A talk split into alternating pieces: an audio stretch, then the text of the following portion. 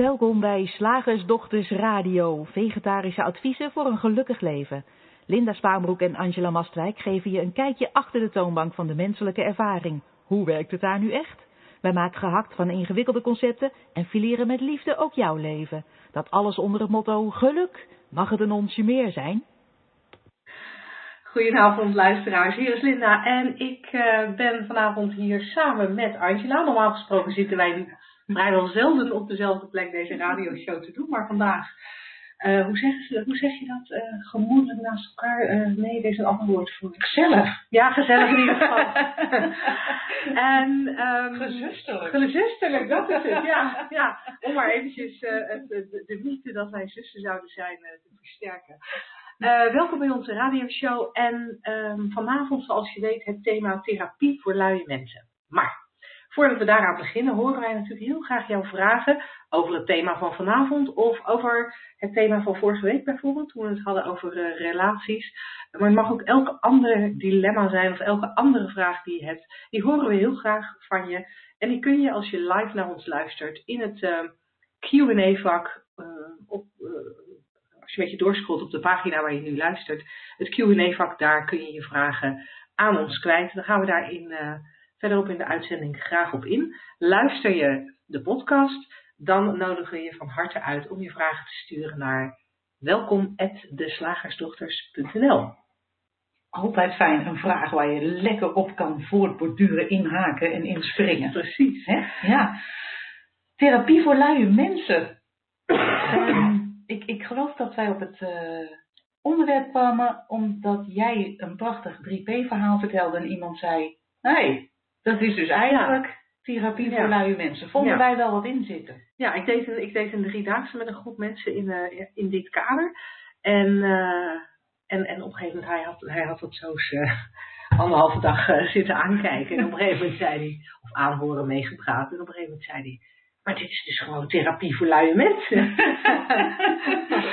en wat hij er volgens mij mee bedoelde, is dat je door, door steeds meer inzicht te krijgen in hoe de drie principes werken, dat je gaat veranderen. Dat dingen makkelijker worden, dat problemen wegvallen, dat moeilijkheden wegvallen. Eigenlijk al die positieve effecten die je normaal gesproken via therapie wilt bereiken. Uh, daarvan hebben wij gemerkt dat je die een stuk makkelijker bereikt en in mijn persoonlijke ervaring ook werkelijk bereikt. Um, veel makkelijker dus dan met therapie. Uh, maar nogmaals, ik formuleer het een beetje gek. Ik heb zelf ook gemerkt dat therapie eigenlijk maar matig heeft gewerkt. En dat sinds ik in de richting van de drie principles kijk. Um, ja, dingen waar ik al die jaren van dacht, daarvoor moet ik in therapie, daar moet ik van af. Uh, weggevallen zijn of op zijn minst geen probleem meer zijn. Vanzelf dus. Vanzelf. Ja, mooi hè. Dat is blijkbaar wat inzicht doet, inzicht in hoe jij als mens werkt. Zorgt ervoor dat dingen jou loslaten in plaats van dat je allerlei gedachten of gewoontes moet gaan afleren of ombuigen of uh, hoe noem je dat, inkaderen, ik weet het niet. Ja, inkaderen, omdenken, je kunt er van alles, uh, je kunt er allerlei woorden voor bedenken. Ja, want dat is waar de, waar de meeste therapieën op gericht zijn. Hè? Van, oh, jij hebt dus uh, bepaald gedrag wat eigenlijk onwenselijk is. Of je hebt bepaald denken wat onwenselijk is. Vaak wordt dat natuurlijk ook met elkaar verbonden. Ja, logisch. Je denkt iets en daar volgt gedrag uit. En dan, dan lijkt het een soort logische conclusie om te zijn, nou, dan gaan we dat dan gaan we er heel hard aan werken om dat denken te veranderen of dat ja. gedrag te veranderen. Ja, of wat ik zelf ook wel gemerkt heb, en wat je natuurlijk veel terugziet in therapie, we moeten toch eens goed analyseren hoe het allemaal zo gekomen is. Oh ja, waar het vandaan komt, wat de wortel is van het probleem. Ja, de wortel van het kwaad, zo gezegd. Ja, met, met het idee om het dan ook met wortel en tak uit te roeien of zo. Want je moet echt tot, tot ja, ja, ja. Dat, dat is het idee daarachter. En dat lijkt op zich een soort goed idee. Nou ja, precies. Want als je, als je kijkt naar onkruid, hè, ik, ik heb in mijn tuin last van zevenblad. Ik oh ja. Of je dat kent. Ja, ik ken het. En uh, zevenblad is uh, heel interessant, want dat uh, is een heel gezellig groen onkruid. Ik heb begrepen dat je het ook kunt eten. Oh. We hebben overwogen dat maar eens te gaan doen. Dan hoeven we nooit meer groenten te kopen. Zoveel zevenblad staat er in onze tuin. Maar het vervelende van zevenblad is ook dat het onder de grond doorwortelt en op een andere plek weer naar boven komt. Dus hoeveel wij ook hebben onkruidgebied, Uh, we krijgen het gewoon niet weg. En, en dan wordt er gezegd, ja, het enige dat helpt is te zorgen dat alle wortels van dat zevenblad weg zijn. Dat er geen spoor meer van te vinden is. En dan pas ben je van het probleem van zevenblad af. En als je het daar ziet, lijkt het heel logisch om te denken dat dat ook voor je psychisch welzijn handig is. En evenveel werk. En evenveel werk. Want ja, als, als ik. Nou, als, ik, als ik naar mezelf kijk, ik ben een, uh, een, een, een, periode in mijn leven dat ik niet lekker in mijn vel zat. Uh, ze, ze, hebben toen gediagnosticeerd dat ik een uitputtingsdepressie had. Nee. En uh, vervolgens ben ik in therapie gegaan en dat was op zich heel fijn, maar wat daar inderdaad gebeurde was zoeken naar, ja maar hoe komt dat dan dat je jezelf steeds voorbij loopt, zodat je die uitputtingsdepressie krijgt? Uh, wat is daar dan de wortel van? Ja. En ik werd meegenomen naar, naar mijn vroege jeugd en ja, vervolgens ga je graven en op zoek naar dingen die toen voorgevallen zijn en mogelijk de oorzaak zijn van de depressie nu, of van mijn, vooral in mijn geval was het vooral van mijn gedrag nu. Want ja, dat gedrag, uh, daarvan werd gezegd dat moet veranderen, want anders blijf je jezelf uh, steeds voorbij lopen en steeds uitputten. En dat leek wel een heel goed idee.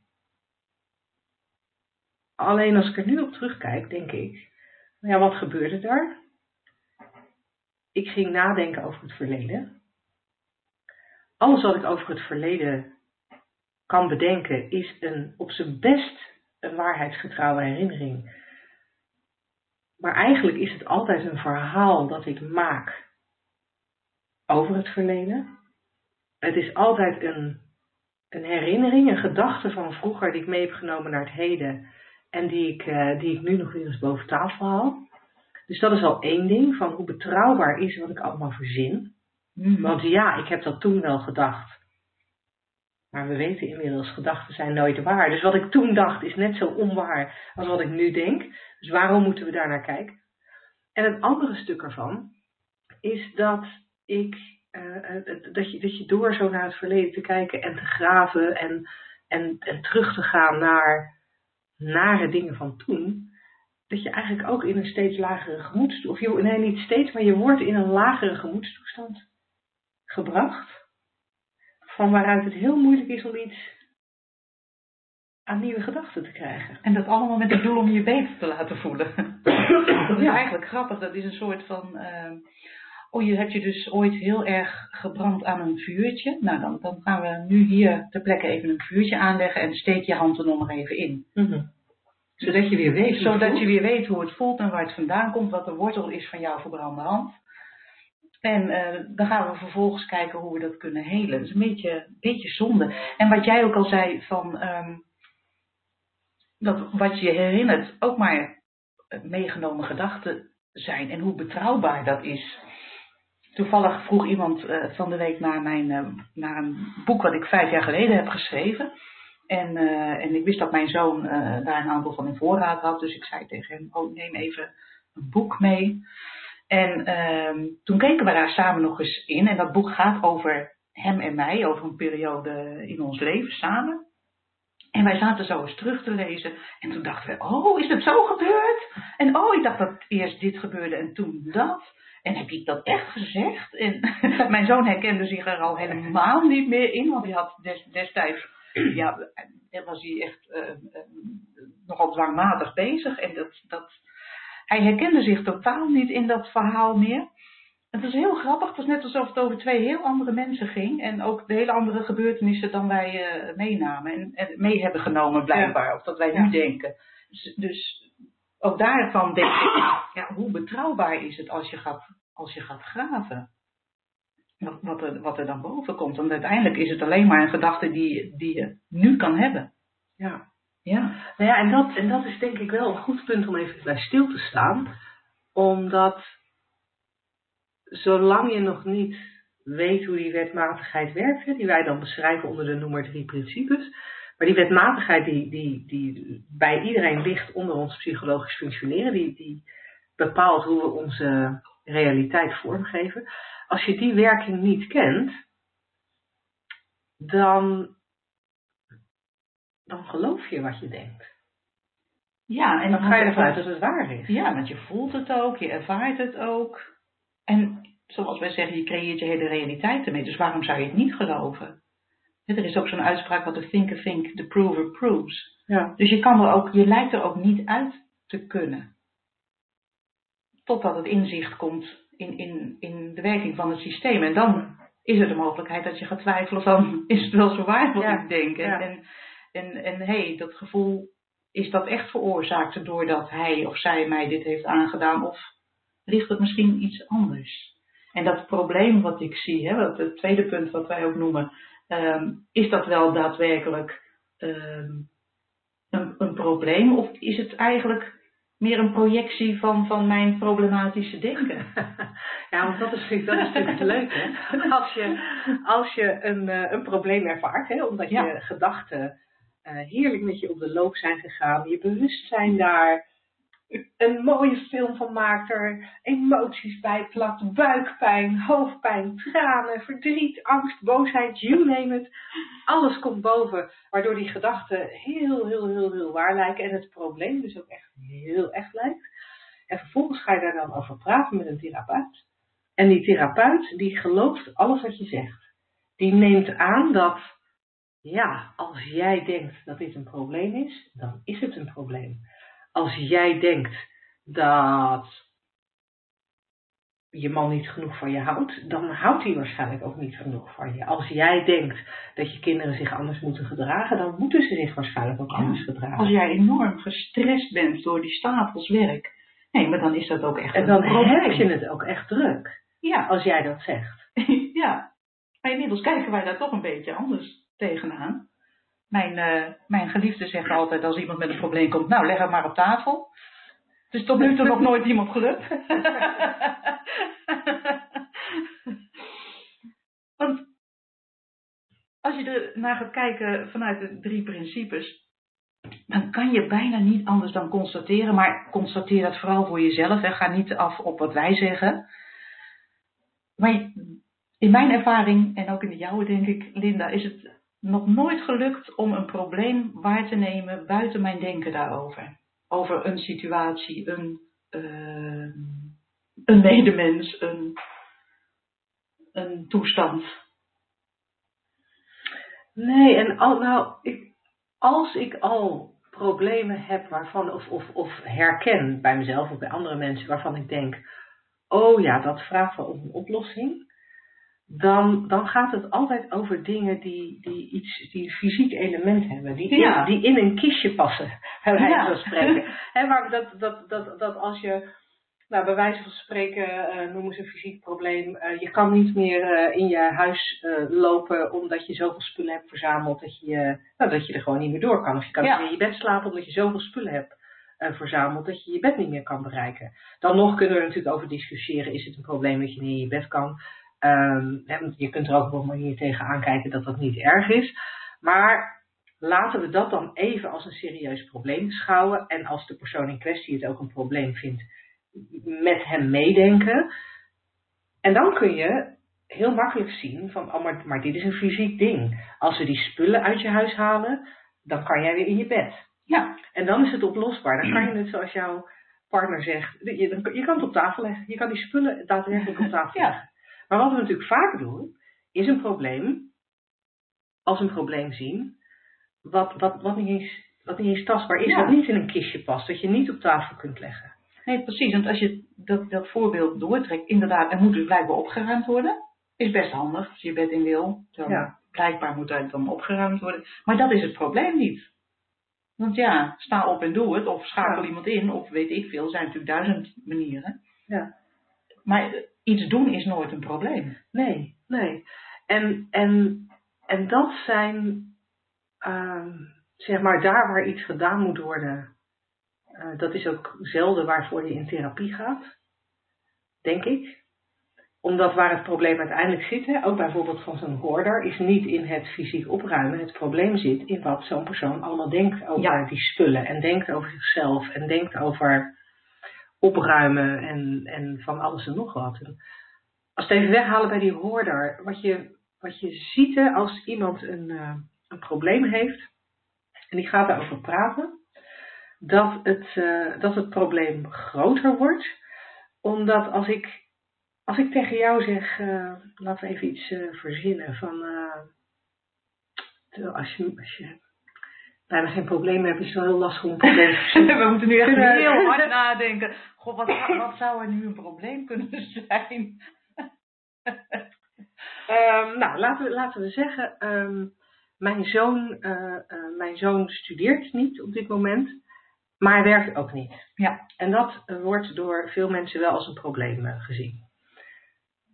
En heel soms heb ik daar ook gedachten over en, en, en zie ik dat ook als een probleem. Op het moment dat ik het als een probleem zie, um, en ik praat daarover met mensen die, die, die minder inzicht hebben in de drie principes, dan luisteren mensen naar mijn verhaal. En ze luisteren naar de argumenten die ik erbij bedenk. En dan klinken die argumenten heel plausibel. Daar ben je ook heel goed in. Ik ben daar heel goed in. maar ja, helaas zijn heel veel mensen daar heel goed in. En wat ik, wat ik zelf gemerkt heb, dat uh, ook als ik er niet over praat, um, wat er in mijn hoofd gebeurt, en mensen die de radioshow al langer luisteren, die, die, die, die, die weten inmiddels hoe ik, er, hoe ik hierover praat. Maar ik denk dat het zeker voor onze nieuwe luisteraars interessant is om dat nog een keertje te benoemen. Wat er bij mij gebeurt is, uh, en, en bij iedereen hoor, in dit Mhm. soort uh, gevallen. Ja. Maar er komt een gedachte op. In de trant van, mijn zoon studeert niet en hij werkt niet. Punt. Dat is nog iets waarvan we met elkaar kunnen eens zijn van dat klopt. Ik zie dat dan vaak als het locomotiefje. En vervolgens hang ik daar een wagon achter. Een wagon met een volgende gedachte. De eerste gedachte was, mijn zoon werkt niet en hij studeert niet. De volgende wagon is, dat is niet handig voor zijn toekomst. De volgende wagon is, want je moet in Nederland wel gestudeerd hebben. De volgende wagon is, zonder uh, studie komt hij er gewoon niet. De volgende wagon is, dan krijgt hij natuurlijk ook nooit een relatie, want wie wilde nou een man die geen uh, studie heeft gedaan of geen werk heeft? Uh, want er is ook ergens tussendoor nog een wagon. Als je niet studeert, kun je dus niet in je eigen onderhoud voorzien. En als je niet in je eigen onderhoud. Nou, zo, en zo koppel ik wagon na wagon na wagon aan mijn trein. En elk van die wagonnen kan ik zo goed beargumenteren. En, en weet ik ook zo cultureel bepaald te onderbouwen dat iedereen uit mijn eigen cultuur daar onmiddellijk van zal zeggen: Ja, ja, dat ja. is wel waar. Je hebt een punt. ik heb een punt. Sterker nog, je hebt er meerdere. en, en ik praat over, over mijn probleem. Iemand anders gaat met mij meepraten. En, en voordat je het weet, is mijn probleem groter dan het in werkelijkheid is. Ja, want wat je ziet is ook dat vaak dat andere mensen nog even wagonnetjes eraan hangen, ook aan Mhm. jouw gedachtentrein. Ja. Ja, en wat dacht je dan? En heb je gelezen dat... En, Ja, ja, ja. ja. En, en, en het kind van de, van de zoon van mijn tante heeft ook. ja. Nou, en, die ging toen, en die ging toen aan de drugs. En dat is inderdaad niet goed gekomen. dus het wordt erger en erger. En nu geef ik even, hè, nu geef ik dit voorbeeld. Maar je kunt, als, je, als je jezelf er bewust van wordt, kun je zien, uh, of kun je herkennen bij jezelf. En je kunt het ook heel goed herkennen bij andere mensen. Dat dat vaak is wat we doen als we over problemen praten. Ja. We constateren iets, we hebben één aanvankelijke gedachte. En die gedachte die pakken we vast. En dan gaan we eens even lekker mee aan het werk. Ja, het is een soort, en dat brein is zo creatief, dat kan van alles erbij halen en, en ver in het verleden duiken, wat er ooit gebeurd is, en Ja. ver in de toekomst uh, kijken van wat er dan wel niet allemaal kan gebeuren. Het is eigenlijk een soort verkeerd gebruik van ons, uh, van ons creatieve Ja. denkvermogen. Ja. Nou ja, en wij hebben het idee dat, uh, als ik even voor ons mag spreken, dat dat, dat dat ook is wat er in therapie gebeurt. Je gaat meer over je problemen praten. Ja. Je gaat ze als echter zien. Ja. Um, ja, en dan kan je allerlei, allerlei dingen bedenken om die problemen te veranderen. Uh, om, om ze weer goed te maken. Maar als je herkent dat wat je in eerste instantie doet, is, zoals jij dat altijd zo mooi zegt, een fata morgana creëren. Het, probleem is in feite, je gedachte is een fata morgana. Het is er niet echt, je verzint hem zelf. Ja, en vervolgens eh, maak je, ga je er een probleem van maken dat de door jou zelf bedachte verlepte palmboom water moet hebben. En hoe dat water daar dan in die fata morgana gebracht kan worden. Welk irrigatiesysteem wij op welke manier daar kunnen aanleggen. Ja. Fata Morgana bestaat niet. Hey. En toch gaan we in therapie proberen Ja. eraan te knutselen. Ja, en dan gaat jouw therapeut een soort eh, reisbrochure schrijven over jouw Fata Morgana. Ja. hoe die eruit ziet en hoe het anders zou kunnen. Ja. Ja, dat is, dat is echt enorm interessant. Maar het kan dus anders, hè? Ons laatste punt. Ja, we kunnen gewoon op dat perron blijven staan blijven Ja. als die gedachtentrein eh, eh, zich manifesteert. En hem, en hem lekker laten vertrekken zonder dat wij ons er al te veel mee bemoeien. Of Ja. inzicht hebben dat we naar een Fata Morgana zitten te kijken die geen reisbrochure behoeft. Geen knutselwerk, geen water, geen analyse. Nee, en dat, en dat is heel, heel, heel bevrijdend. Ja, Want dan kun je, eh, zoals ik jou eerder vanavond al vertelde, dan kun je op een willekeurige zaterdagochtend wakker worden met het slechtste humeur dat je in jaren hebt gehad. Omdat je in een halve nacht allerlei, zo'n ondertoon van, van angst en onzekerheid en onvrede hebt gehad in je slaap. En dan 's ochtends wakker worden en echt met zo'n slecht humeur. Ik, ik, moest, ik moest gewoon lachen om mezelf. Het was, maar ik kon alleen, ik kon lachen om mezelf, omdat ik snap hoe het systeem werkt. Ik snapte dat er ergens een gedachtentrein aan het rijden was. Ik wist niet precies welke. En ik wist niet welke wagonnen daar hingen en wat de locomotief was die hem gestart was. Maar ik wist wel dat het een gedachtentrein is. En het mooie dan, is dan, nou ja, weet je, dan heb je eventjes een slecht humeur. Maar dan weet je ook dat met elke nieuwe gedachte, dat dat gevoel ook totaal anders is. ja, dan blijf je gewoon heerlijk op dat perron staan. En je bent ook niet eens meer nieuwsgierig naar waar die trein heen gaat. Nou, zeker niet waar die heen gaat. Nee, Nee. Ik, ik, mij werd de vraag gesteld waar de trein vandaan kwam. Hè? Oh ja, waar komt dat? Waar komt dat door? Ja. En toen had ik eerst in eerste instantie antwoordde ik van, ja, dat maakt me eigenlijk niet uit. Maar vlak nadat ik dat gezegd, heb, gezegd had, plopte wel in mij op. Oh, oh, dat was de locomotief. En daar heb ik blijkbaar onbewust van alles aan gehangen. Ehm, maar ja, goed, dan weet je wat de locomotief is. En dan is dat verder ook weer voorbij. Want ja, we weten dat, het, dat ook die locomo- locomotief een zelfbedachte, imaginaire toestand is. Ja, en het is wel grappig, want in, in, in dat beeld dat wij nu eh, zo leuk schetsen met die trein, dan is het ook totaal niet interessant waar mijn trein vandaan komt. Ik bedoel, ik sta op het station en er komt een trein aan omdat ik weet ik veel naar Woerden wil. Maar of die trein uit Amsterdam komt of Rotterdam of, eh, of uit Vladivostok, Nee, nee dat is zo. Nee. Nee, en als je, als je, als je, die, als je die, die trein. ja, dat, als je die metafoor voorneemt, als je op station Utrecht staat bijvoorbeeld, wat een, volgens mij het drukste station van Nederland is, dan komen er voortdurend treinen voorbij, maar de meeste van die treinen, die negeer je. Je, je, je bent niet geïnteresseerd waar die vandaan komt, maar je bent ook niet geïnteresseerd waar Nee. heen gaat. Je bent eigenlijk alleen maar geïnteresseerd in die ene trein die toevallig de bestemming heeft waar jij naartoe gaat. En ik denk dat dat, dat, dat bijna nog een versterking is van, van wat jij net zei. Ja. Van ja, weet je, we staan op, we staan op Utrecht station en er komen heel veel treinen voorbij. So what? ja, ik heb de voorkeur voor Woerden vandaag, dus daar ga ik heen. Ja, Dat is dan een soort gezellige gedachte. Ja. een, een, een, een gelukkige gedachte. ik heb vandaag veel. een voorkeur voor een liefdevolle gedachte. Voor een liefdevolle gedachte. Ik neem de trein naar liefdevol. En waar deze trein naar ellende heen gaat. Ja, weet je, het maakt, ik laat hem gaan. En, en als, die, als die uit de prut vandaan komt, ik wil het niet weten. Nee, nee. Nee, en het leuke is, je hoeft, je hoeft dus, als, als je op dat perron staat, je hoeft niet zoveel. Nee. Je kan zo een beetje op de borden kijken. Is er, is er een trein naar liefdevol? Nou, vandaag geloof ik niet. Nou, dan blijf ik hier nog even staan. Nou ja, daar, op 9. Nou, dan loop ik daar even heen. Maar er zit, er zit dan zo weinig druk achter en zo weinig moeten achter. En ik hoop dat we dat een beetje aan onze luisteraars hebben kunnen overbrengen vandaag. ik hoop het ook.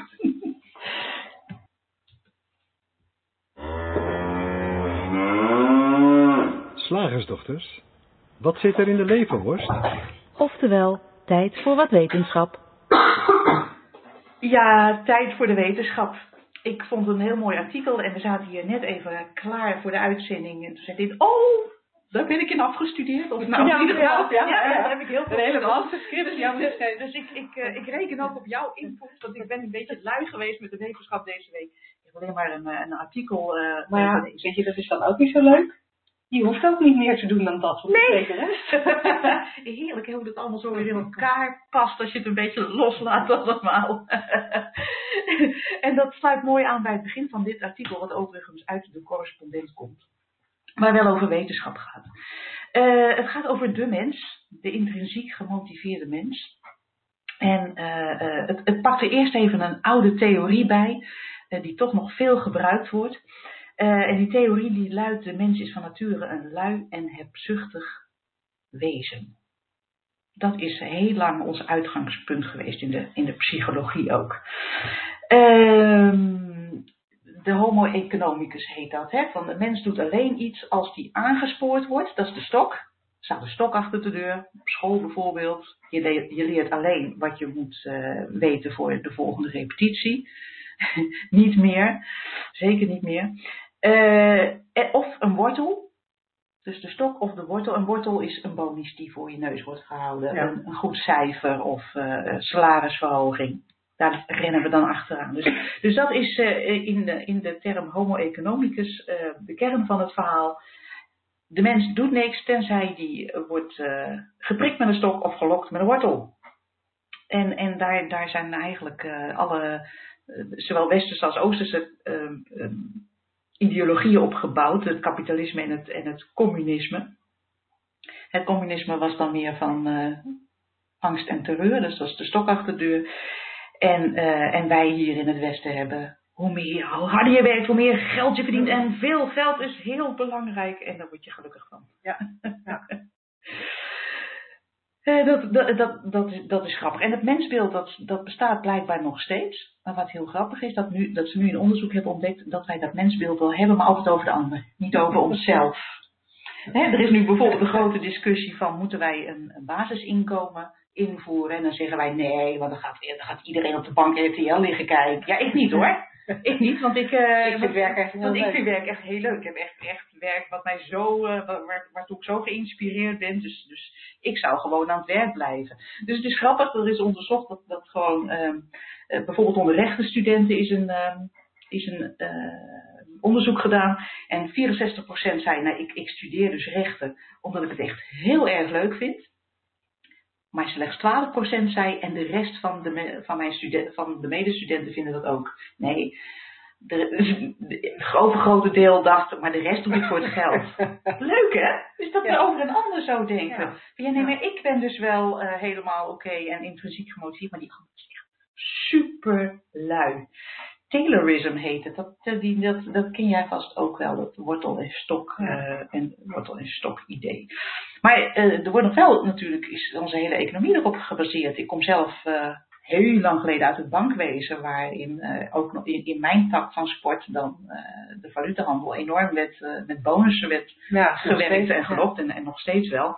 En ook, ja, er moet zoveel mogelijk geproduceerd worden. Het is niet zo belangrijk of, of, dat, nou, eh, of dat nou leuk is. Maar goed, op een gegeven moment eh, werd er toch gezien van, nou volgens mij klopt dat niet helemaal, die, die Tayloristische leer. En dat zijn eh, twee mensen geweest, Daisy en Ryan. ja, jij, jij wist gelijk wie die ander was. Ik moet het in het artikel opzoeken.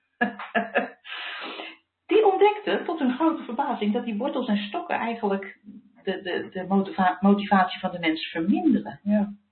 En de creativiteit ook doet, doet afnemen. ja. Het werkt contraproductief. Het werkt contraproductief.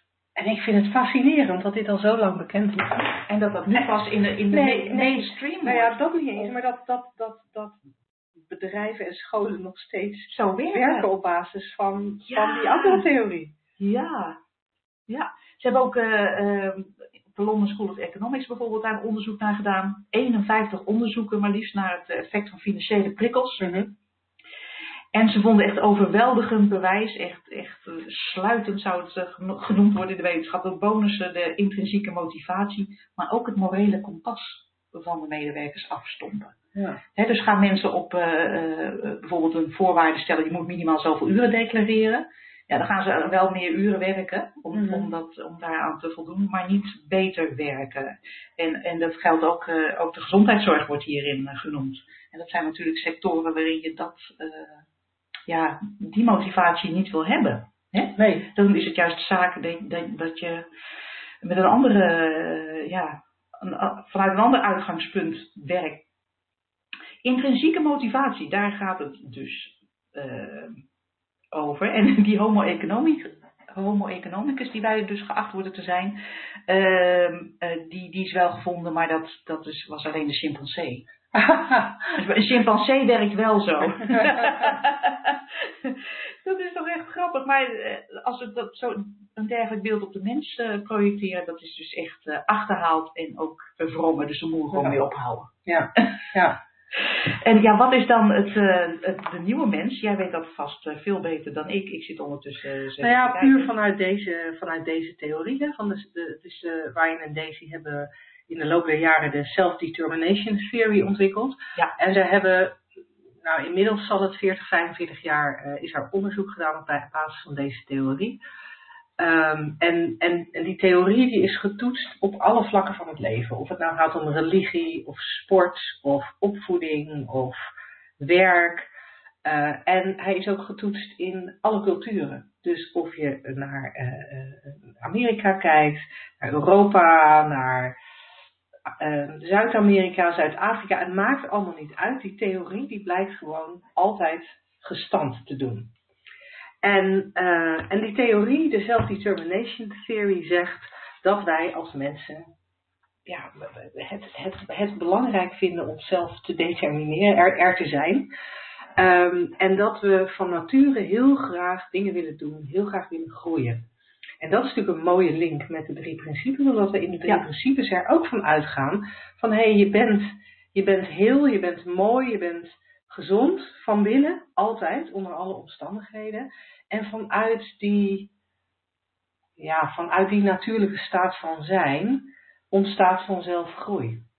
Nou, in de self-determination theory hebben ze daar natuurlijk een theorie van gemaakt, hè, wat wij in de uh, drie principes in feite met onze wetmatigheid natuurlijk ook een beetje doen. En de self-determination theory zegt er zijn eigenlijk drie aspecten die uh, intrinsieke motivatie maken of breken. Ieder mens heeft drie psychologische basisbehoeften. Een gevoel van competentie, een gevoel van autonomie en een gevoel van verbondenheid. Relatedness noemen ze dat in het, uh, beschrijven, zo beschrijven ze het in, in het Engels.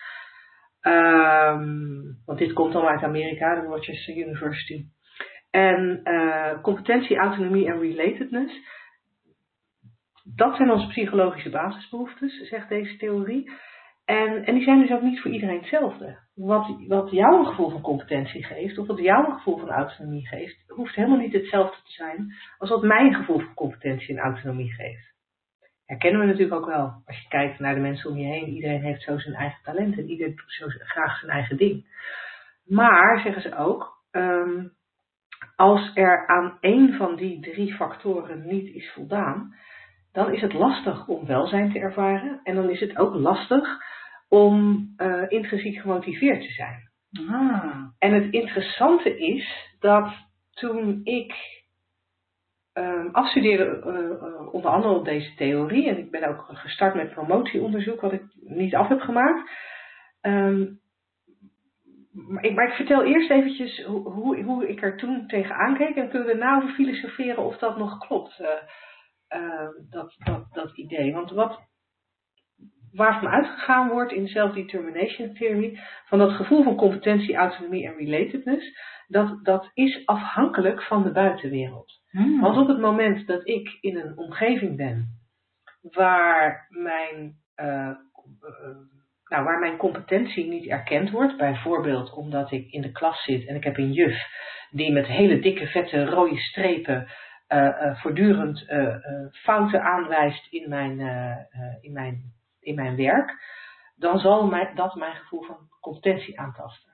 Hmm. En op het moment dat ik een bepaalde behoefte heb aan autonomie en iemand vertelt mij, je moet nu op deze stoel zitten en je moet stilzitten, en dan, dan, dan tast dat mijn gevoel van autonomie aan. En sociale verbondenheid precies hetzelfde. Je moet verbonden kunnen zijn met de mensen om je heen. Uh, en daar zou, daar zou ook een bepaalde, ja, een bepaalde uh, dus, ja, voorwaarde voor geschapen moeten worden. En ik heb altijd op die manier met die theorie gewerkt. Als als ik er nu over praat, dan denk ik, het is, dat is interessant, want vanuit de drie principes zeggen wij, het leven werkt niet van buiten naar binnen. Dat wat er buiten je gebeurt, kan nooit bepalen wat er, ja, hoe jij je voelt. Het werkt altijd andersom. Dat wat jij denkt, maakt hoe jij de wereld om je heen ervaart. Ja. En dan is het de vraag, maar ik zit nu echt even te filosoferen. Nou nee, dat is eigenlijk niet zo'n vraag, want de theorie klopt eigenlijk nog steeds. Alleen, ehm, en, en, en tegelijkertijd verklaren de drie principes de verschillen in mensen. Hoe komt het dat de een in een organisatie kan werken waar met bonussen gewerkt wordt en zijn morele kompas wel behoudt? En de ander in diezelfde situatie werkt en zijn morele kompas kwijtraakt. Dus hoe komt het dat de een door die beloningen, wat je autonomie en relatedness beïnvloedt. Hè? Want als jij kans hebt op een beloning en ik kans op een beloning, maar één van ons krijgt hem, dan is het lastig, wordt er gezegd, om, uh, om die verbondenheid met jou te blijven voelen. En hoe komt het dan dat de een daar wel gevoelig voor is en de ander niet? Uh, en dat het dus je welzijn ook beïnvloedt? Vermoedelijk door de manier waarop je erover denkt. Ja, ik denk het is maar net wat, je, wat je gelooft. Dat zie je aan uh, bijvoorbeeld het voorbeeld wat jij noemde op school. Ik heb net een boek vertaald van uh, democratisch onderwijs, waar eigenlijk van hetzelfde principe wordt uitgegaan. Prachtig vind ik het. Uh, als er twee kinderen zijn, ehm, tegen de een wordt gezegd, nee, je moet nu echt op je stoel blijven zitten. En die gelooft de gedachte, ik ben beperkt. Ik heb geen autonomie dan zal die daardoor beïnvloed worden, maar door zijn eigen gedachten. Ja. Maar in diezelfde situatie kan een, kan een ander kind, die hetzelfde wordt verteld, natuurlijk denken, ik kan mijn rug op. Of zo. En, ja, en, of denken, oh lekker, ik kan even zitten. Of, uh, nou, ik ben autonoom en um, ik trek me hier niks van aan. Ik, ik, ik, weet niet, maar je kan natuurlijk van alles, je weet nooit wat er opkomt in je. Maar het is maar wat je gelooft. En dat geldt natuurlijk ook als, als kind. Ik heb daar zo'n, een, een vriendin van mij vertelt daar altijd een heel mooi voorbeeld van. He, over van, het is maar wat je gelooft. En, en dat, zo ga je je blijkbaar gedragen. Of dat, dat neem je mee totdat je door, gaat doorzien. Oh, het is maar dat ik ooit iets heb geloofd. dat, dat, dat gaat dan over een, uh, een Joods gezin. De oorlog breekt uit. Er komt een telefoontje dat dat het geval is. Er zitten twee dochters aan tafel. En vader en moeder omhelzen elkaar. En die ene dochter, die krijgt de gedachte, ik hoor er niet bij. Mm Ik ben buitengesloten. Als er iets ergs is, dan, dan is er eenzaamheid en ik hoor er niet bij. De andere dochter is getuige van exact hetzelfde tafereel. En bij haar komt de gedachte op, oh, wat er ook gebeurt, we zijn er voor elkaar en er is liefde. Want die, is, die kijkt naar die vader en moeder. En waarom nou de ene die ene gedachte krijgt en die andere de andere gedachte. En dat ze allebei die gedachten geloven en die dus meenemen. Ja, ja. zeg het maar. Ik heb geen idee. Dat is natuurlijk, maar, maar het systeem werkt hetzelfde. En dat is natuurlijk wat we in de drie principes ook zeggen. Het systeem is hetzelfde. Het feit is, je denkt. En dan wat je denkt en wat je gelooft en wat je voelt, ja, dat is natuurlijk voor iedereen. Ja, en welke gedachte je inderdaad serieus neemt, die is voor iedereen anders. Ja. ja. Mooi. En leuk ook om even een andere kijk op een uh, voor mij uh, oude bekende theorie. Zeg, slagersdochters, hoe bak ik die vegaburger? Over naar de luisteraarsvraag. Nou, ik ga eens even kijken of er... Uh, Sorry, ik ben mijn hoes nog niet helemaal kwijt. Uh, er zijn geen vragen live binnengekomen. Is er een vraag via mail binnengekomen? Er is uh, via mail ook geen vraag binnengekomen. Maar ik denk dat wij zelf ondertussen wel een vraag uit de praktijk even ja, ik, tafel kunnen gooien. Ja, ik, ik, naar aanleiding van het onderwerp van vorige week. Hè, vorige week hadden we het over het Relationship Handbook uh, heb ik een aantal mensen gesproken deze week uh, nou ja, over de uitzending en over relaties en, en hoe dat dan in zijn werk gaat. Uh, en ik sprak ook iemand die aangaf van, ja, ik, ik, ik snap echt dat het mijn gedachten zijn.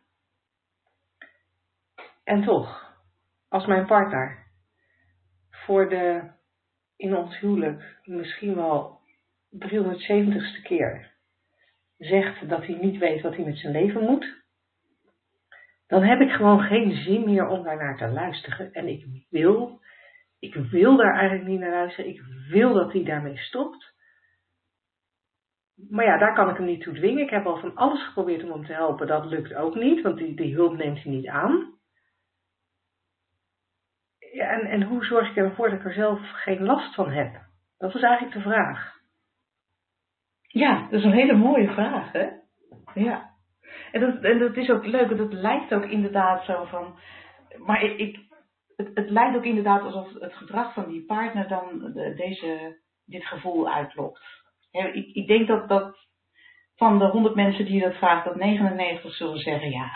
Nee, logisch. Nou, ik denk dat je van de duizend mensen die het vraagt 999 zegt. Het is nog dramatisch. Ja, dat denk ik wel.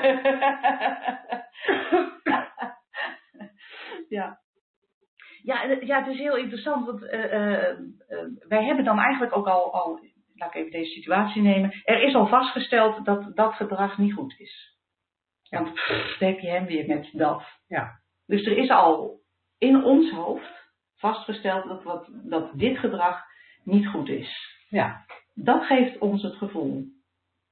Want als wij. En, en dingen als uh, ik wil er geen getuige van zijn. Ja. Ik wil gewoon rustig tv kunnen kijken of gewoon rustig een boekje ja. kunnen lezen. Ja. Nou, dat komt in mij inmiddelijk op, joh, sta op en uh, ga dat doen. Maar ja. ja. leg hem even ergens anders neer, die man. ja, en, en dan, dan, dan wil ik toch even teruggrijpen naar mijn, uh, mijn eigen ervaring met mijn zoon. is dan natuurlijk wel niet mijn partner, maar, maar toch wel iemand die dicht bij je staat en, en uh, gedrag vertoont waarvan je denkt. Dit wil ik niet zien, hier wil ik geen getuige van zijn. In mijn geval was dat mijn kind at heel lang niet. Dus die kreeg het stempel anorexia. En daar zit je erbij en kijk je naar. En ik had ook inderdaad regelmatig de gedachte, kan hij daar niet gewoon mee ophouden? Ja. Dat scheelt een stuk, want hij kan niet, bijna niet meer lopen. Ik moet hem overal naartoe brengen. Ik heb geen zin in een peuter in huis.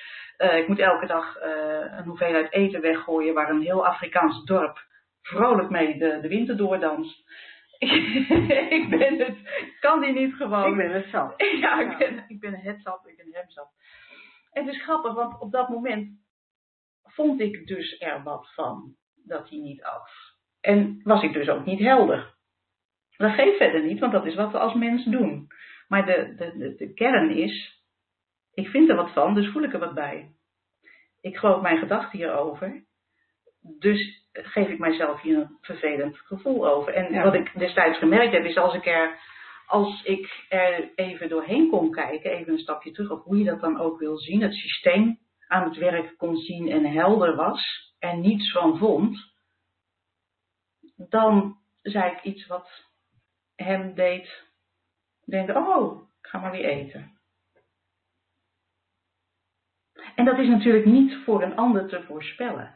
Maar wat we wel zeker weten, want dat hebben we allebei al zo vaak meegemaakt, mm -hmm. is dat in, het, in, in de ruimte van het niet weten, hè, ik, weet, ik kijk hier naar, dat kind dat eet niet, maar ik weet niet wat het betekent. Ik vind er niks van, ik uh, uh, heb er geen mening over, uh, dus een kind het eet niet. Maar dit is het.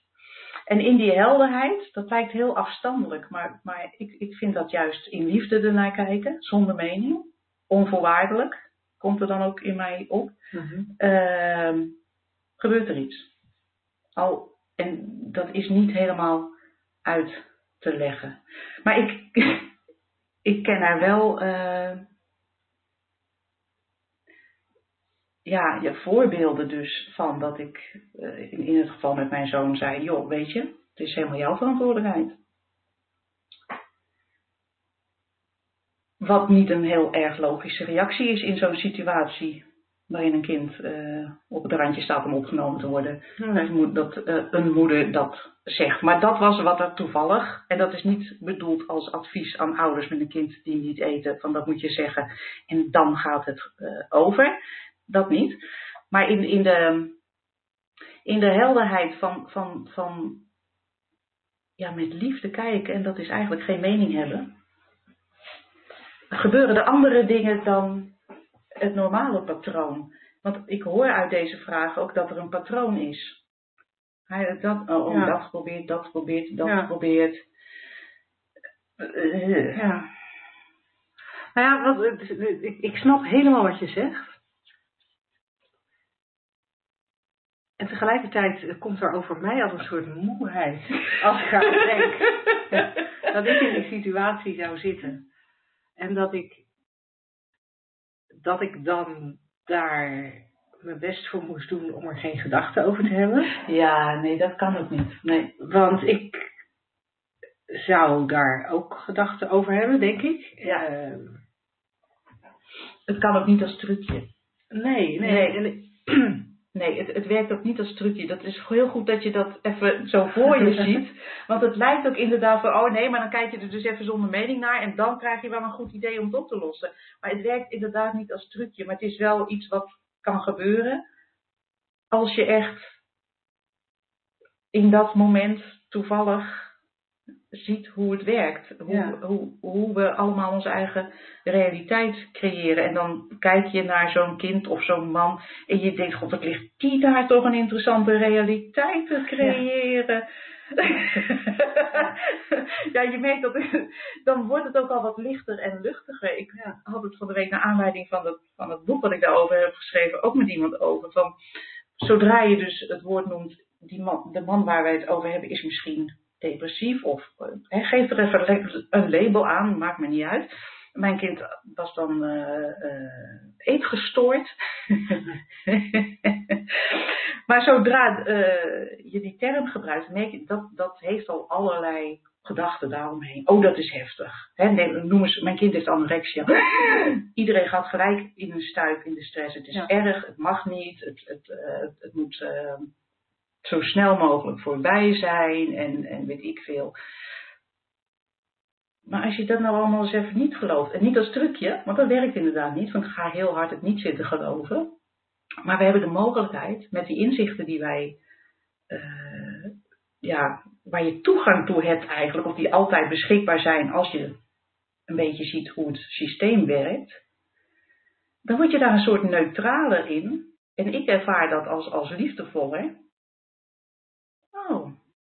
en dan merk je ook dat je net zo goed helemaal de andere kant op zou kunnen denken. Dat is heel grappig. Ook weer niet als trucje van, nou ja, het is een drol en ik denk er een taartje van. Van anorexia is heel erg, maar ik doe net alsof het we doen net alsof het een, een spirituele ontwikkeling is. Of eh, wat ze, iemand zei van de week, misschien wilde die wel breatharian worden. Dus het schijnen in India mensen te zijn die, die leven van de lucht, breatharians. Ja, dus hij is misschien geboren met een diepe wens om breatharian te worden. je merkt dan, dan, dan wordt het al een beetje grappig. Ik zei ook al eh, destijds, dat is echt heel handig een kind met anorexia. Want ze zijn ontzettende Piet Lut. En ze willen altijd voor je koken, wat ze dan zelf niet eet. Ja, ik vind het heerlijk, want ik kan niet koken, vind het vervelend. En ze ruimen ook alles heel netjes op. Echt, echt dwangmatig. Ja, ik vond het ideaal. De hond werd altijd uitgelaten, want er moest bewogen worden. Ja. En op de eerste, de beste dag dat hij weer ging eten, toen de omslag had plaatsgevonden, toen zei hij ook, ja man, dan moet je zelf weer eh, de vaatwasser uitruimen s ochtends en de hond uitlaten. Dus zei nou lekker dan. Maar je merkt al, als je er zo, dus, als, als er ruimte is om, ehm, om er ook anders naar te kijken, of het nou depressief, een man met depressiviteit is of een kind met anorexia, of wat er dan zich ook voordoet, dan is er ook ruimte voor een frisse kijk en voor nieuwe richtingen. En ja, ze zeggen ook wel eens in de Three Principles een hele andere realiteit. Hè? Ja. En, dat, en dat kan natuurlijk. Ja, ik, kan echt, ik heb echt honderd zinnen in mijn hoofd die gebruikt zouden kunnen, maar ik ga ze hier niet zeggen, want dan lijkt het alsof, Alsof maar ik, recept had alsof ik een recept aan het geven ben, maar ik zou zulke leuke dingen weten te zeggen. Geef dan toch even een paar voorbeelden. Gewoon niet als voorschrift, maar gewoon als creatief. Ja, hey, creatieve denkrichting. Moet jij er niet eens een eind aan maken? Dat het allemaal zo vervelend is. Ja. Ja. Dat zou je ook met droge ogen kunnen zeggen. Nee, dat weet ik niet. Want ik weet niet wat er in, in, in een moment van helderheid in mij opkomt. Ik vind dit gewoon is echt zo buiten Ja. de box dat ik hem gewoon even wilde zeggen. Ja, ja. Maar daarom is er ook geen recept. Daarom zei ik ook van, ook met zo'n kind met anorexia, ik kan wel zeggen, die zin heeft bij hen tot transformatie geleid. Dat is natuurlijk onzin, want het gaat niet om wat ik zeg, het gaat om wat hij ziet. Ja. Het is, niet, het is onvoorspelbaar en je kan er geen recept voor geven. Nee, nee, maar dan gaat, kan je ook een ander, denk ik, nooit dwingen tot een inzicht Nee, waarvan jij denkt dat hij dat, hij dat inzicht nodig heeft. nee. Je kan eigenlijk alleen maar naar het systeem verwijzen. Zo werkt het. Ja, en dan is denk ik. eh, dan is denk ik voor onze vraagstelster misschien wel het belangrijkste dat ze zelf het systeem nog dieper Ja. gaat doorzien dan ze misschien Ja. doet. Want ik, En van daaruit haar stappen zet. ja, want, niet? want, want de vraag is natuurlijk ook wie neemt het waar? Ja. Ja. In het geval met mijn kind, ik. Ja. Ja. ja. ja. Dat is ook een mooie voor een volgende keer. Ja. Wie, wie neemt er nou eigenlijk waar? Ik denk eh, dat het tijd is voor het laatste onderdeel. Ja? Woensdag, gehaktdag. Zeg slagersdochters, welk concept gaat er vandaag door de molen?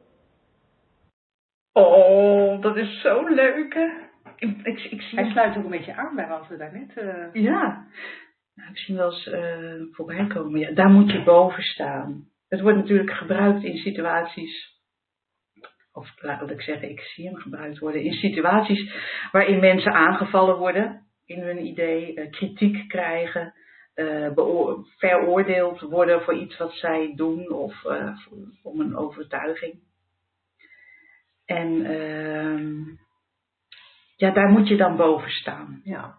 Klinkt er nog als een, als een goed advies. En toch denk ik, hmm, hoezo boven staan? Ja, want dat, dat zou betekenen dat er een soort hiërarchie is Ja. in, eh, in gedachten of ge- eh, eh, een hiërarchie is in uitingen die mensen doen. Ja. En alsof ik het dan ook beter weet dan jij.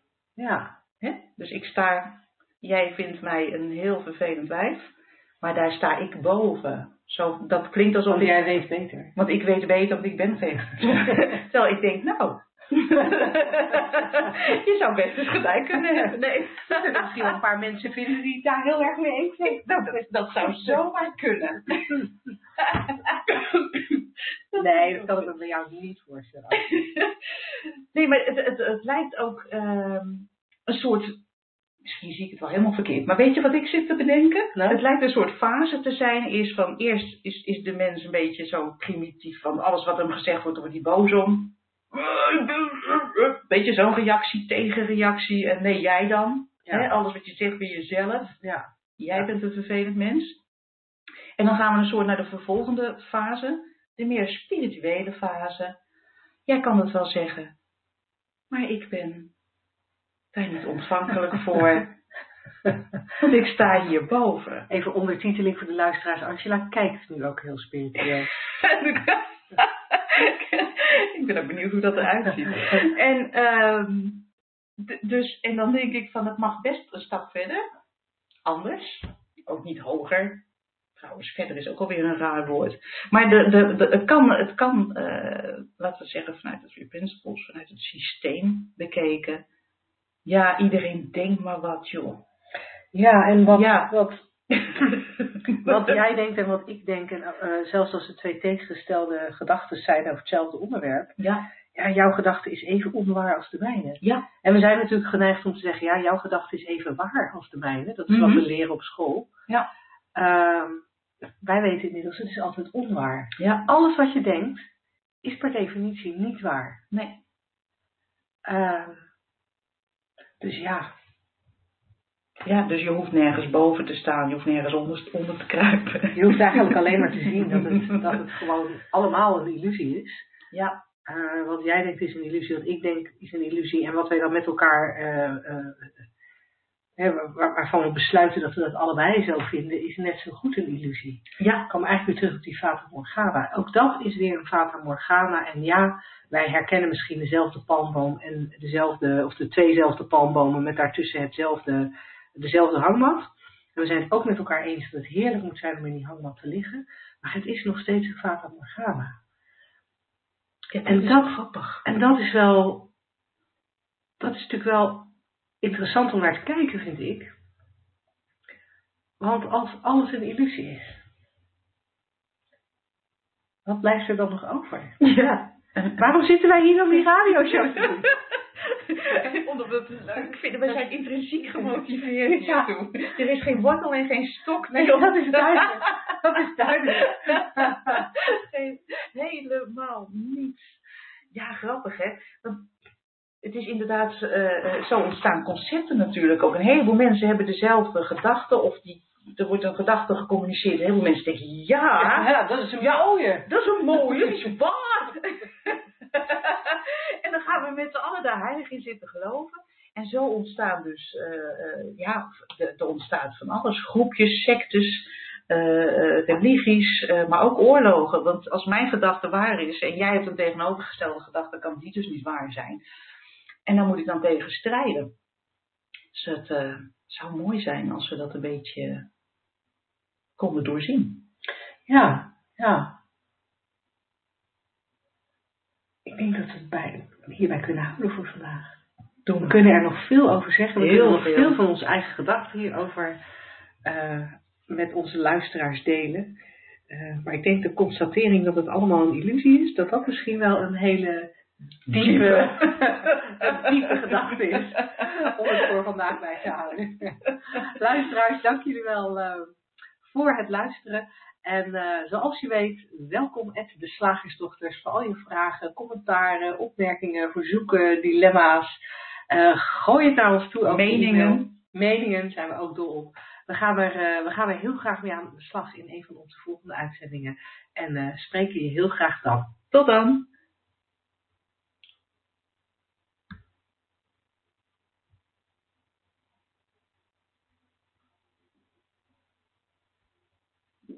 The moderator has left the conference.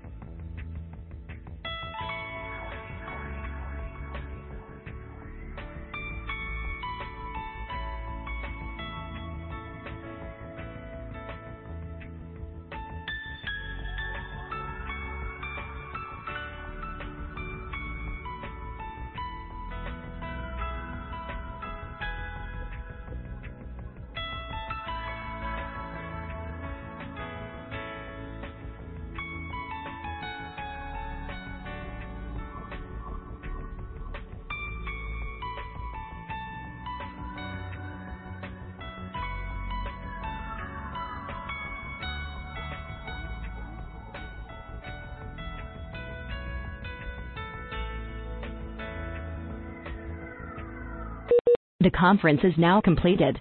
Goodbye. Welcome to the conference. Please enter the conference ID, followed by the pound key.